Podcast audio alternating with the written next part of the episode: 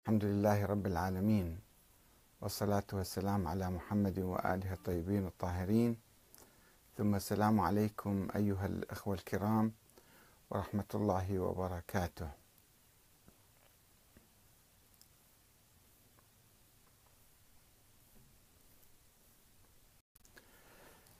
مئة واثنان وأربعون حزبا جديدا في العراق. هل تستطيع هذه الأحزاب تغيير المشهد السياسي وإسقاط النخبة الحاكمة وإصلاح العملية السياسية أم لا؟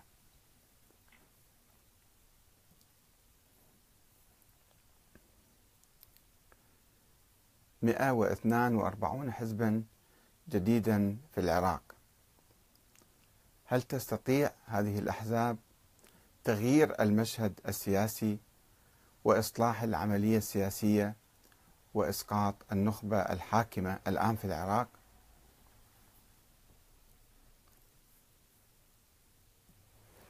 في الحقيقة لا ديمقراطية إلا بانتخابات ولا انتخابات إلا بقانون أحزاب آه، ديمقراطي وجيد.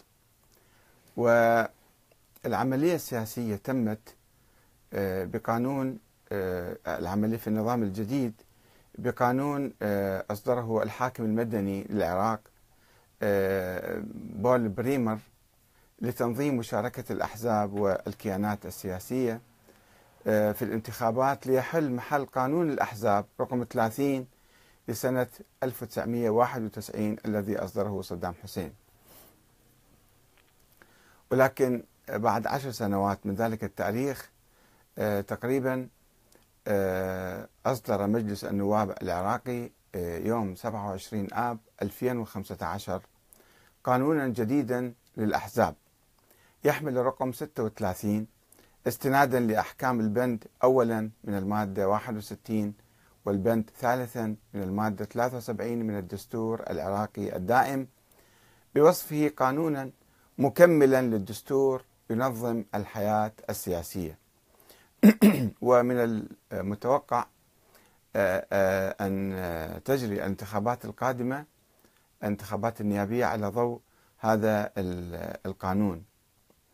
ولكن هذا القانون في الحقيقة آه، يعاني من مشاكل عديدة ومن تناقضات حتى مع الدستور مع روح الدستور.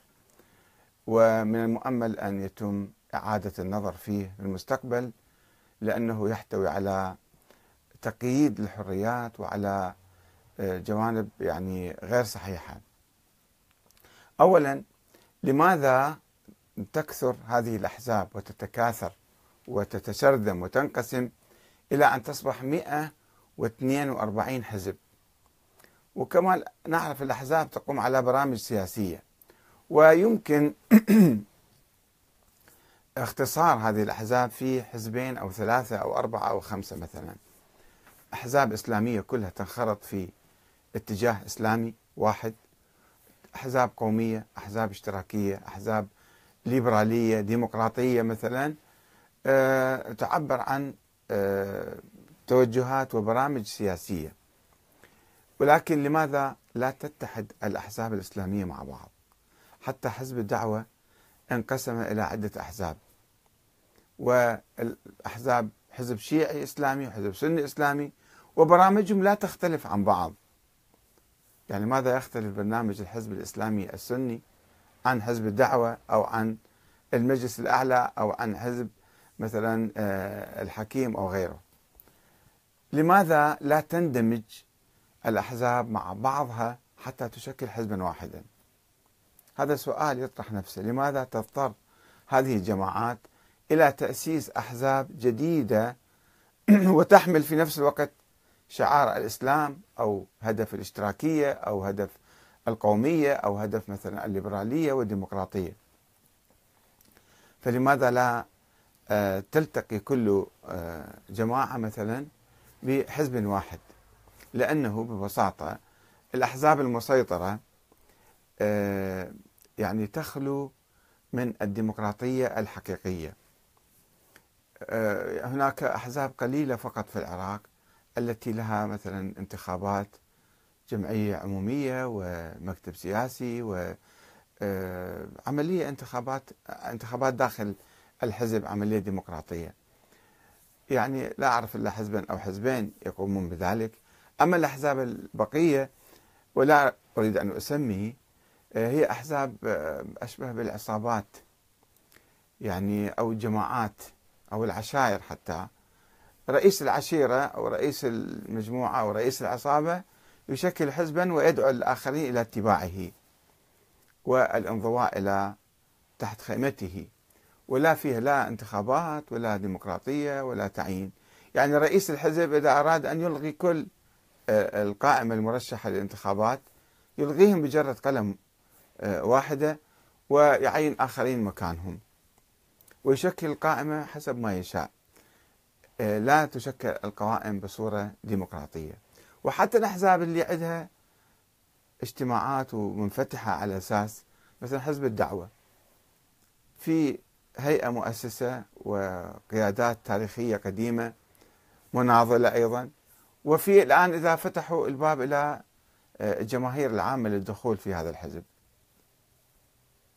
الذين يدخلون في الحزب مرحلة مرحلتين ثلاثة ما يستطيعون يوصلون للقيادة حتى يرشحوا أنفسهم مثلا لقيادة الحزب أو للقيادات المسؤولة. يعني هناك آه، آه، عمليات غامضة تتم لإبعاد الناس الجدد. لذلك لا يشعر كثير من الناس بالحماس للدخول في آه، هذا الحزب أو الأحزاب الأخرى لأنهم يعرفون أنه ما لهم مستقبل. هم الجماعة اللي يعني يديرون الحزب حاليا. هم مهيمنين على الحزب بقوة ولا يسمحون. فضلا عن أنه مثلا حزب شيعي يسمح للسنة بالدخول إليه والصعود فيه. أو حزب سني يسمح للشيعة بالدخول آه، إليه والصعود في الحزب ورسم سياسة الحزب على ضوء الانتخابات والتصويت.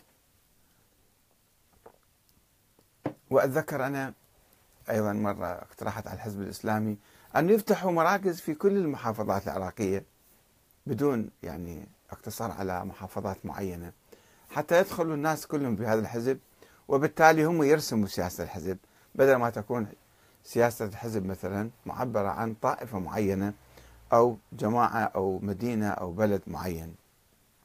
ولكن هذا لم يحدث.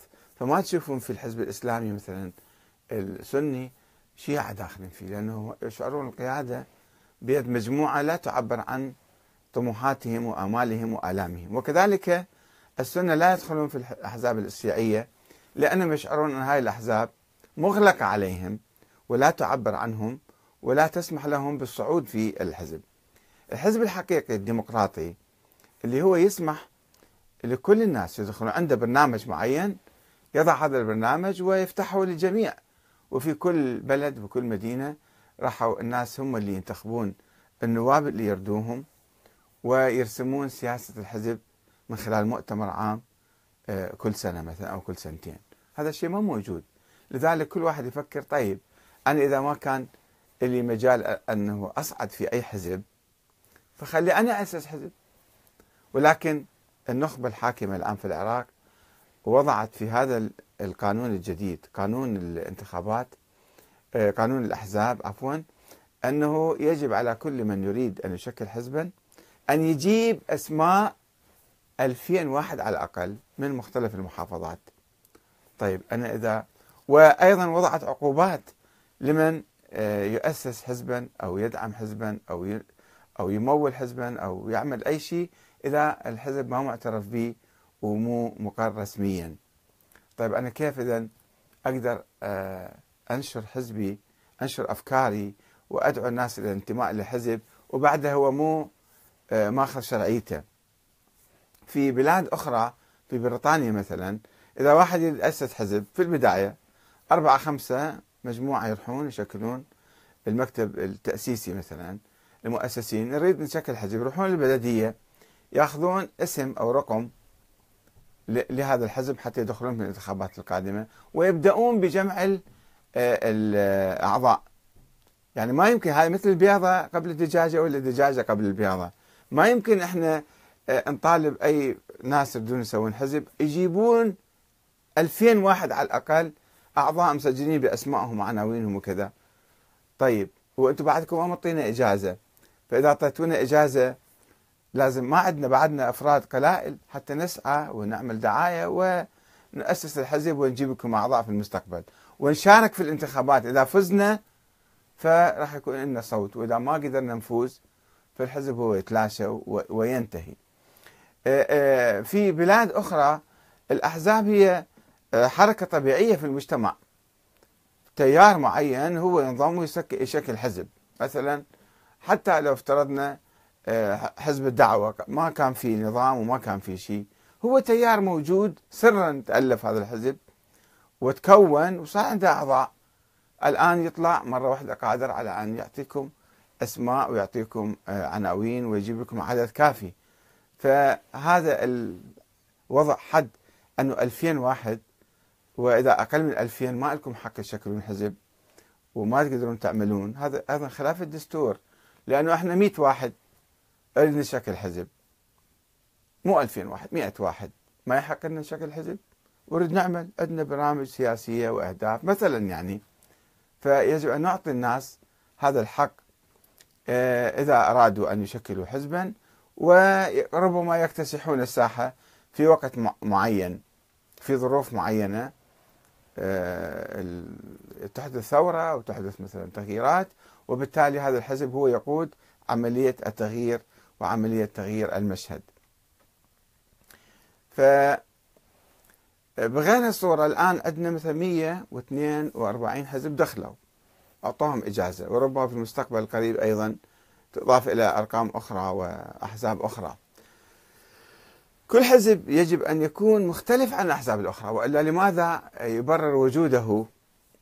آه، أن يكون المادة 28 تحدد أنه يجب أن يكون المادة 28 من قانون الأحزاب أن يجب أن يكون لكل حزب نظام داخلي. وبرنامج سياسي خاص به. يعد من قبل الحزب ويقرر من قبل الهيئة العامة في أول اجتماع لها. طيب آه، برنامج سياسي خاص به يعني يختلف عن مبرر وجود الحزب عن الأحزاب الأخرى. هو أنه أنا عندي رؤية أخرى فكرة أخرى. والأفكار الأخرى اللي إحنا يعني نقدر نحصرها إما إسلامية إما إشتراكية. إما ليبرالية ديمقراطية وإما قومية. أكثر من هذا ما عندنا.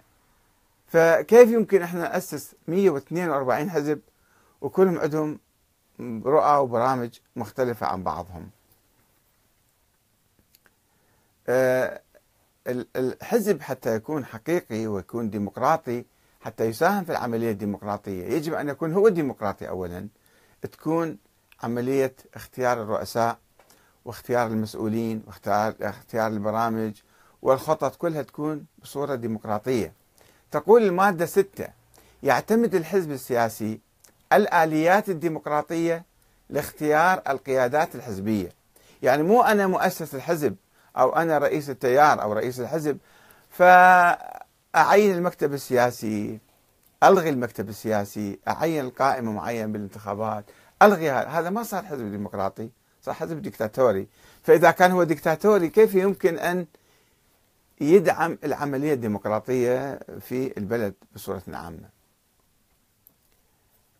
فهنا نسأل سؤال إحنا إذا كان هذا شرط من شروط الأحزاب فأين هي الديمقراطية الآلية الديمقراطية المتبعة في اختيار اختيار القيادات الحزبية؟ وهذا هو يعني انعدام الديمقراطية في الحقيقة هو الذي يؤدي إلى تكاثر الأحزاب إلى إبعاد الناس بدل ما آه، جذبهم.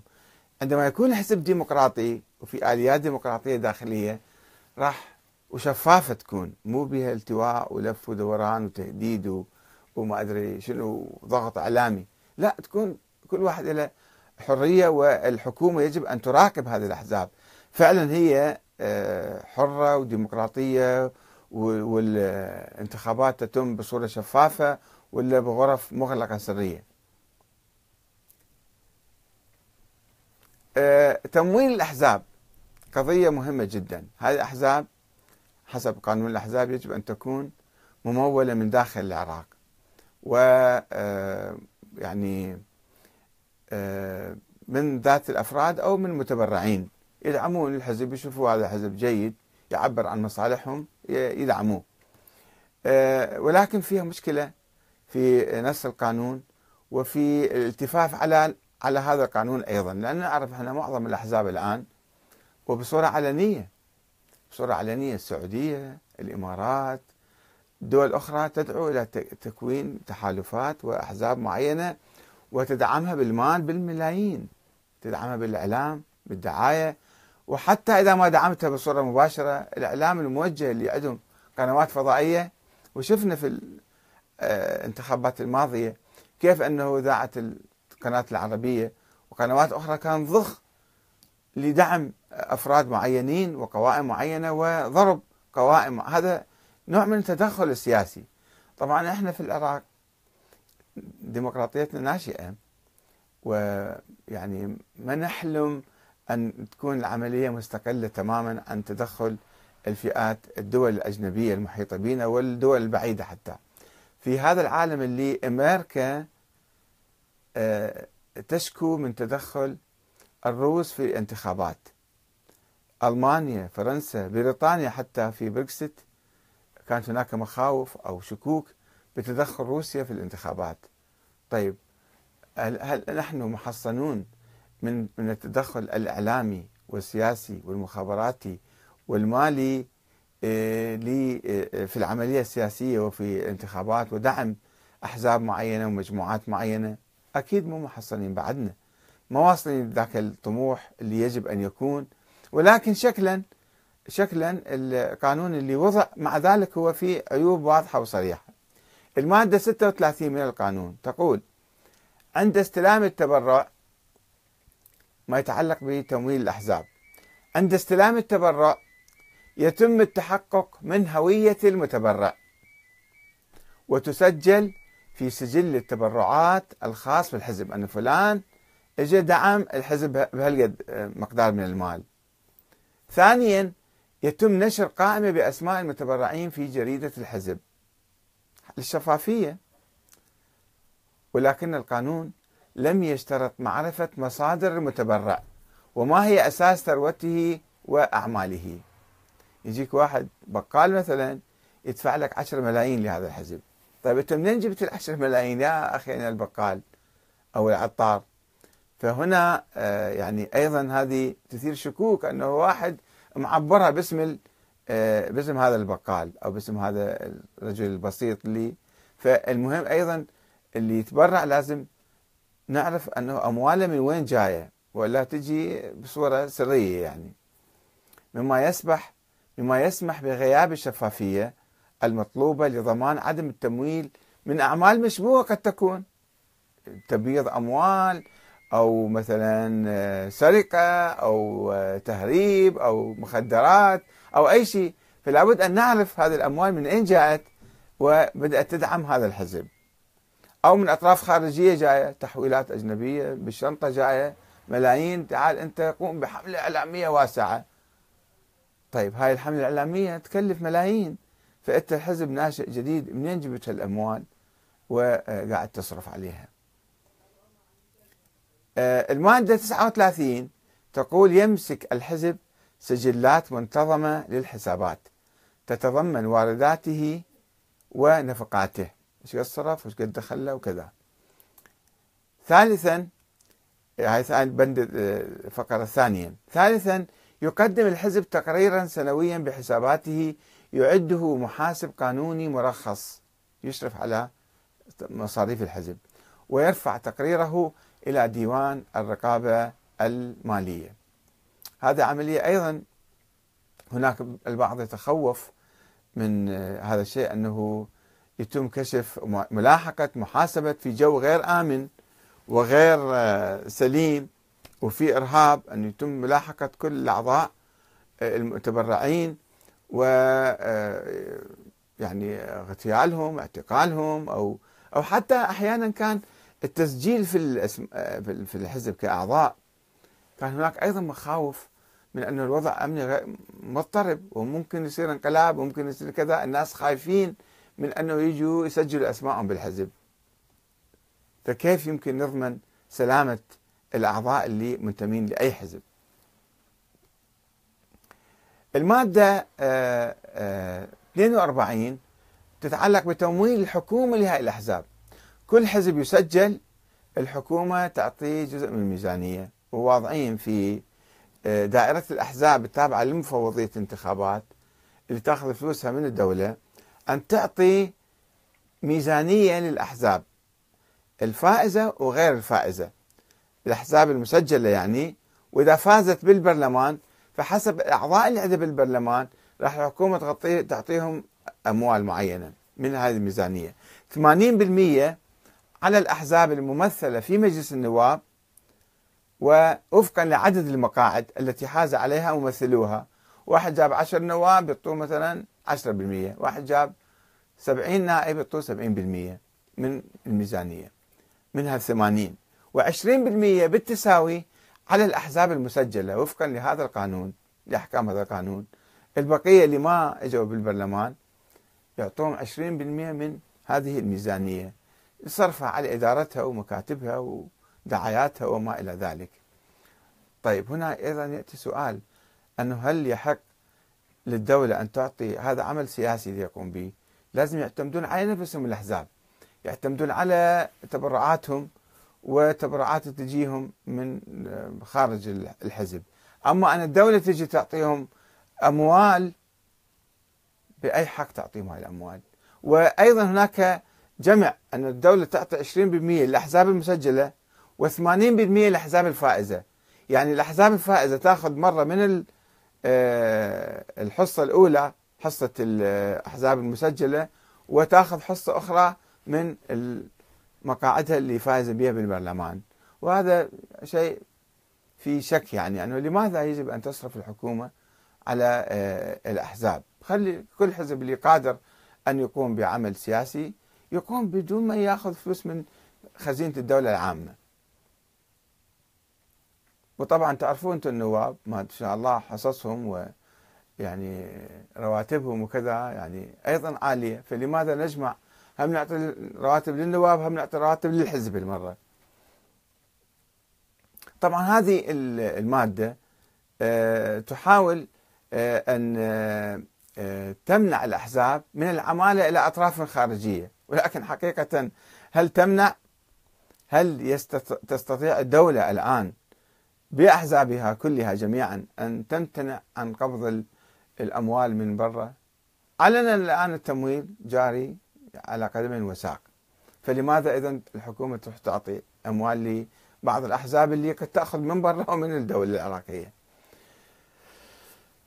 وبالتالي توفير حماية للعملية تحت هذا الغطاء توفير حماية للعملية السياسية في البلاد من الاختراق ومنحها عوامل الاستقلال.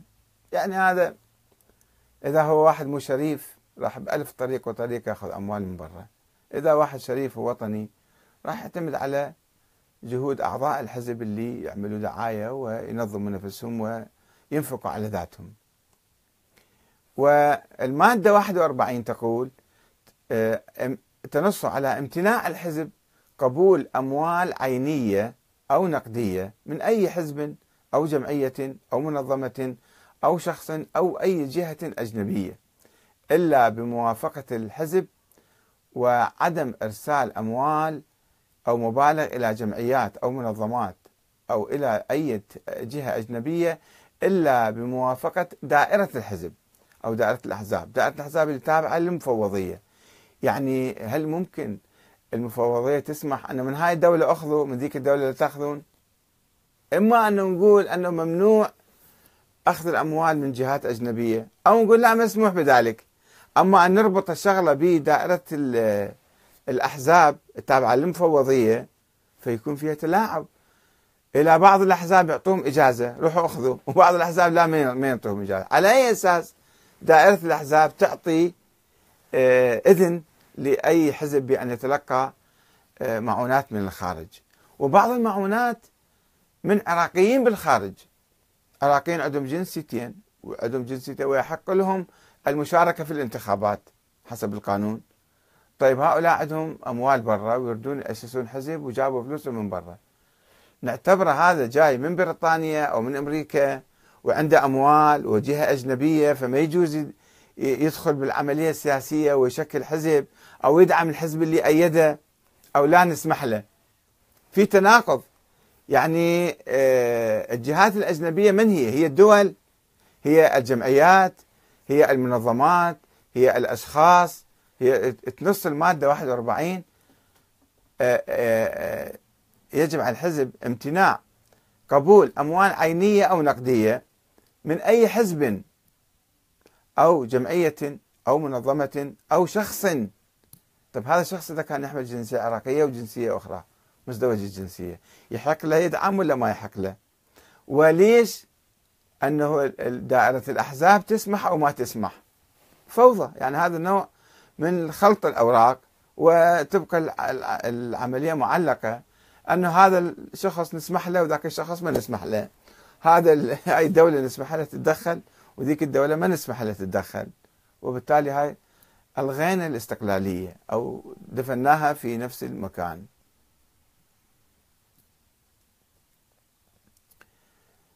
وعبارة إلا بموافقة دائرة الحزب أفرغت المادة 25 المذكورة أعلاه كمادة إيجابية في القانون من محتواها. فبينما تحظر المادة 25 الحزب أو التكتل السياسي من الارتباط المالي بأي جهة أجنبية تعود المادة 41 لتكرر الحظر مع إعطاء دائرة الحزب حرية الموافقة على قبول الأموال من أطراف خارجية وفي هذا تناقض واضح كما يبدو متعمدا. آه، آه، المادة 46 آه، هل تتفق مع مبدأ حرية الأحزاب اللي هذا كفلها الدستور الحرية هذه أو تتعارض معها خلينا نشوف هاي المادة. أولا يعاقب الحبس مدة لا تزيد على سنة ولا تقل عن ستة أشهر. كل من أنشأ أو نظم أو أدار أو انتمى أو مول خلافا لهذا القانون حزبا غير مرخص. يعني في أحزاب وليدة جاية جديدة قاعد تبدأ وجا واحد اجتمع ونظم وسوى وأنشأ ويريد يشك يعني ياخذ إجازة. طيب قبل هل ما ياخذ الإجازة هذا يصير مجرم؟ لازم يعاقب ويحاكم؟ ومن المعلوم أن الترخيص يشترط أن يمتلك الحزب 2000 عضو على الأقل. فكيف الوصول إلى هذا السقف قبل الترخيص؟ ولماذا تصادر حرية التجمع والتأسيس؟ أن هذا الدستور كفل حرية التجمع السياسي والتجمع بصورة عامة وتأسيس الأحزاب. فهذه مادة اشتراط 2000 عضو مخالفة للدستور. كما قلت لكم القانون البريطاني يسمح بتشكيل الحزب وتسجيله في البلدية بدون تحديد عدد معين لمدة سنة ويشوفون إذا نجح نجح. ما يدخل في يعني في العملية السياسية في الانتخابات ويسجلوه. آه، ثم يسجل رسميا في هيئة الانتخابات. ويحتفظ بحرية تشكيل الأحزاب القانون البريطاني. خارج التسجيل. شكل حزب أنت بس ما تدخل مثلا ما يعطوك فلوس افترض حسب القانون العراقي. أو ما تدخل في الانتخابات على أنك حزب لأنك مو مسجل. أما خارج التسجيل لا يجوز أن نمنع أحدا من التجمع وتشكيل أي حزب. فالدستور هذا بالحقيقة يحاول هذا القانون عفوا يحاول أن يقيد المادة الدستورية الأولى اللي تنص على حرية التجمع وتشكيل الأحزاب. ويحتفظ للأحزاب القائمة بالهيمنة على العملية السياسية ويمنع أي حزب جديد من اختراقها. فلماذا يعاقب القانون العراقي كل من أنشأ أو نظم أو أدار أو انتمى أو مول حزبا غير مرخص؟ الناس يقومون يخافون بعد هذا حزب مو مرخص ما ندخل فيه؟ أخاف يحبسونه بعدين. المادة الخامسة من القانون نصت على أن يؤسس الحزب أو التنظيم السياسي على أساس المواطنة وبما لا يتعارض مع أحكام الدستور ولا يجوز تأسيس الحزب أو التنظيم السياسي على أساس العنصرية أو الإرهاب أو التكفير أو التعصب الطائفي أو العرقي أو القومي. العبارة شوية فيها مطاطية أولا لا يجوز تأسيس الأحزاب على أساس ال ال يجب تأسيسها على أساس المواطنة ولا يجوز تأسيسه على أساس العنصرية أو الإرهاب أو التكفير أو التعصب الطائفي أو العرقي أو القومي التعصب الطائفي. طيب إذا أسسناه على أساس طائفي والبداية قال يجب أن الحزب يتأسس على أساس المواطنة. فإذا أسسناه على أساس الطائفة أو القومية أو العرق ومو متعصبين. إحنا نحترم القوميات الأخرى نحترم الطوائف الأخرى بس إحنا شيعة مثلا أو إحنا سنة. أو إحنا حزب تركماني أو إحنا حزب كردي حزب عربي فقط. ونحترم القوميات الأخرى. هذا خلاف الدستور. لا يجوز إنشاء حزب على أساس العرق أو الطائفة أو أو القومية. وكلمة تعصب مو في محلها. حتى لو مو متعصب هو لازم ما يجوز. ولكن الواقع موجود لأن الواقع موجود جعلوا المادة مطاطة. أنه التعصب ما يجوز. ولا الحزب البرزاني الآن حزب كردي فقط. ما في عرب. ما في تركمان.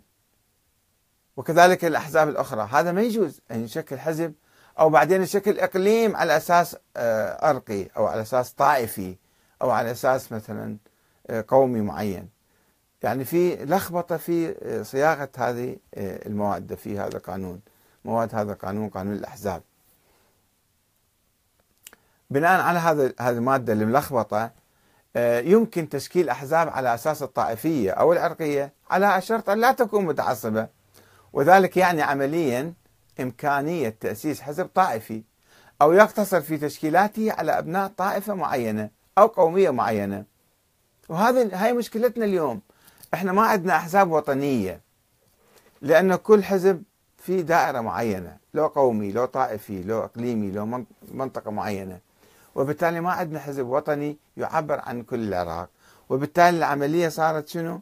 لازم إحنا نسوي محاصصة بعدين.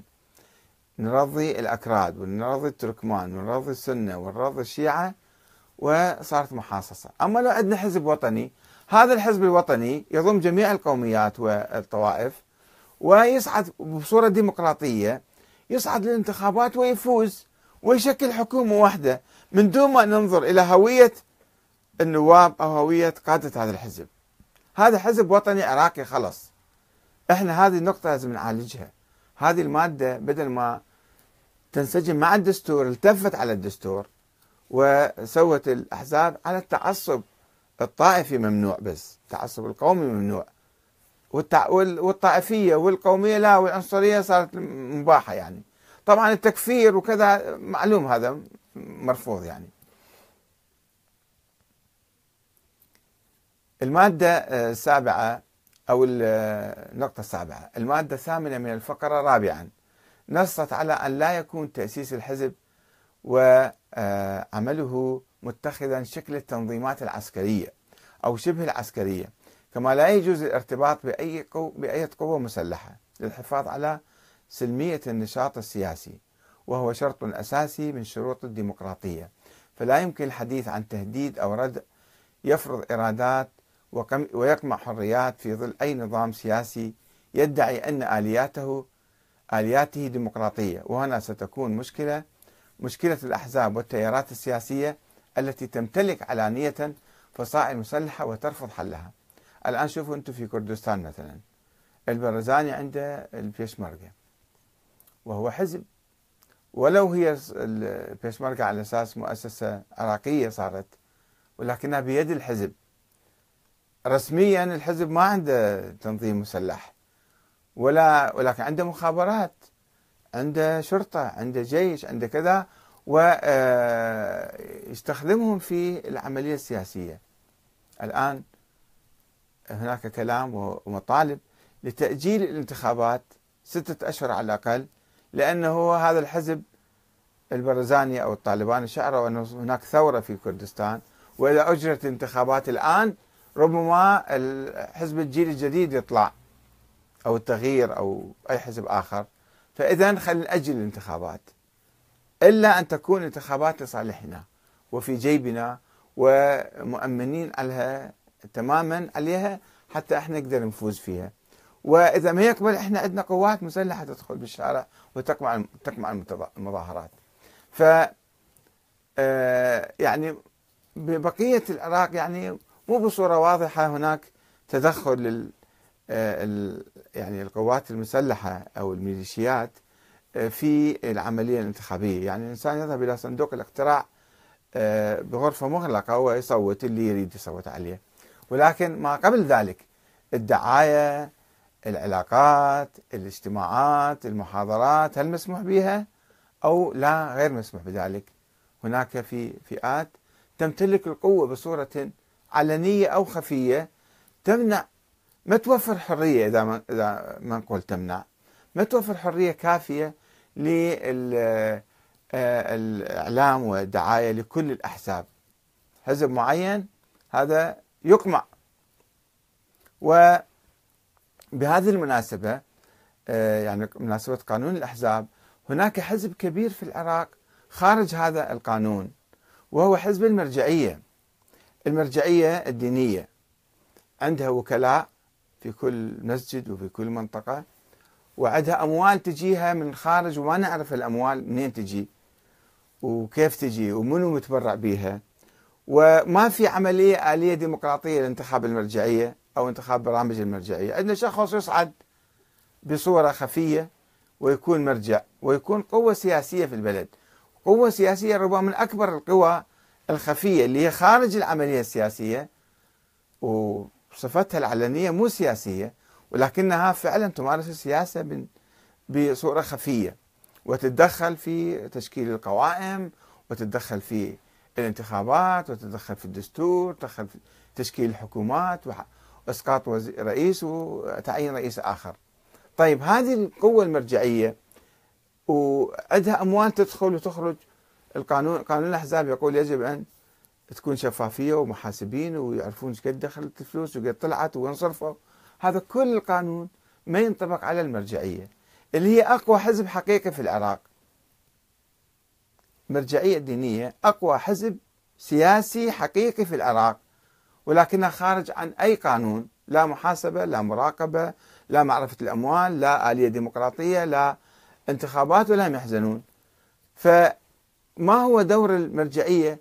هل يحق لها تدخل في العملية السياسية اللي وضعنا شروط طويلة عريضه عليها؟ يجب أن تكون كذا ويجب أن لا تكون كذا. عندما نجي إلى أقوى كتلة سياسية وأقوى حزب سياسي ما نشوف اي أي من هالملاحظات أو هالقوانين تنطبق على مو فقط المرجعية العليا حتى التيار الصدري. هو ليس حزبا مسجلا ولكن تكتل سياسي. عنده برلمان وعنده أعضاء وعنده آه، كذا ولكن هل يحاسب؟ هل تدقق أمواله؟ من أين تأتي؟ من أين أين تذهب؟ وكم هي؟ وين تروح؟ وآلية الديمقراطية موجودة أو لا؟ هاي كلها أسئلة مطروحة حقيقة بصورة جدية، فاذا العملية السياسية نقتصر يعني على القوانين على من نطبقها؟ على رؤوس اليتامى؟ نتعلم الحجامة برؤوس اليتامى يعني؟ الناس الفقراء اللي يستوهم طالعين يسكنون في الحزب، تعال يابا أنتم فلوسكم من وين؟ واعضاءكم كم واحد؟ وعندكم آلية ديمقراطية ولا ما عندكم؟ عندكم تنظيم مسلح ولا ما عندكم؟ والشروط الدقيقة. أما الأحزاب الكبرى وأكبر الأحزاب هي المرجعية الدينية فهي خارج إطار المحاسبة والمراقبة والخضوع لقانون الأحزاب. خلينا نشوف إذا كان في بعض المداخلات. أه، هنا عندنا الأخ علاء الدين الخرسان يقول راح تشتت الأصوات وما راح يصعدون أصلا الاحزاب الجديدة الطالعة. وراح تبقى الأحزاب السابقة هذا رأيه يعني آه، الأخ صفاء عباس يقول الحياة السياسية في العراق تسيطر عليها أحزاب وشخصيات وعوائل احتكرت المال والنفوذ وما يسمحون معناته إلى آه، اختراق هذا المشهد السياسي وصعود أحزاب جديدة تبدل كل الصورة هذه. الأخ سعدون جابر يقول أحزاب إيش؟ أنت مصدق؟ أكو أحزاب يعني فالأحزاب كلها كذب يعني وهمية. هذا رايه أيضا. الأخ أيضا مرة أخرى عنده مداخلة أخرى يقول الأحزاب القديمة والتي تشكلت حديثا تحايلت على القوانين وهي لوبيات لتحقيق مصالح وليس بينها من يعمل حقيقة لخدمة مصالح البلاد. وهذا الشعور هو سائد بين العراقيين ولا جدوى من العملية السياسية ومرتكزاتها المختلة ولد مشاعر الإحباط لدى عموم الناس. طيب إحنا خلال الشهور الماضية والسنوات الماضية كنا نسمع الناس يأسين من هذه العملية السياسية ويأسين من الأحزاب ويردون تغيير. طيب كيف يكون التغيير؟ الآن في أحزاب جديدة داخلة ويمكن ما معروفة أسماء بعضها قد تكون أسماء وهمية حقيقة. يعني ما أعرف كيف يتأكدوا من وجود 2000 واحد وكيف تأكدوا من برامج وبعدين يجيبون برامجهم ويجيبون أهدافهم ويشكلون هيئة مثلا عامة لانتخاب المسؤولين وما إلى ذلك. فتبقى العملية فيها آه، يعني شيء آه، كثير من اللبس وننسحب من الساحة تماما. نترك العملية السياسية نكفر بها تماما. طيب ثم ماذا بعد؟ يبقون نفس الموجودين. أم نبادر ونعمل ونسعى ونؤسس أحزاب جديدة أو نؤسس أحزاب جديدة ب آه، آه، بنظام جديد. يعني فعلا إذا إحنا قدرنا نأسس أحزاب وطنية ديمقراطية وطنية يعني تضم كل فئات الشعب العراقي ما تقتصر على شخص معين وتنفتح على كل المدن وتدعو الناس إلى الدخول في هذا الحزب. إحنا أهدافنا هذه وآليتنا هاي الديمقراطية. وأنتم في أي مدينة دخلتوا وشكلتوا مثلا آه، تجمع فيها يحق للأعضاء هم ينتخبون القيادة من فوق. مو القيادة الفوق هي اللي تعين المسؤولين وتعين النواب والمرشحين في المحافظات وكل المسؤولين وبالتالي تحتكر السلطة بيديها وتحارب من يتحداها بصورة جدية. فنحن أمام هذا المأزق حقيقة وأمام هذا التحدي. علينا أن آه، يعني نخترق هذا الجمود بأطروحة جديدة. أعتقد نكتفي بهذا القدر وإلى لقاء آخر معكم. السلام عليكم ورحمة الله وبركاته.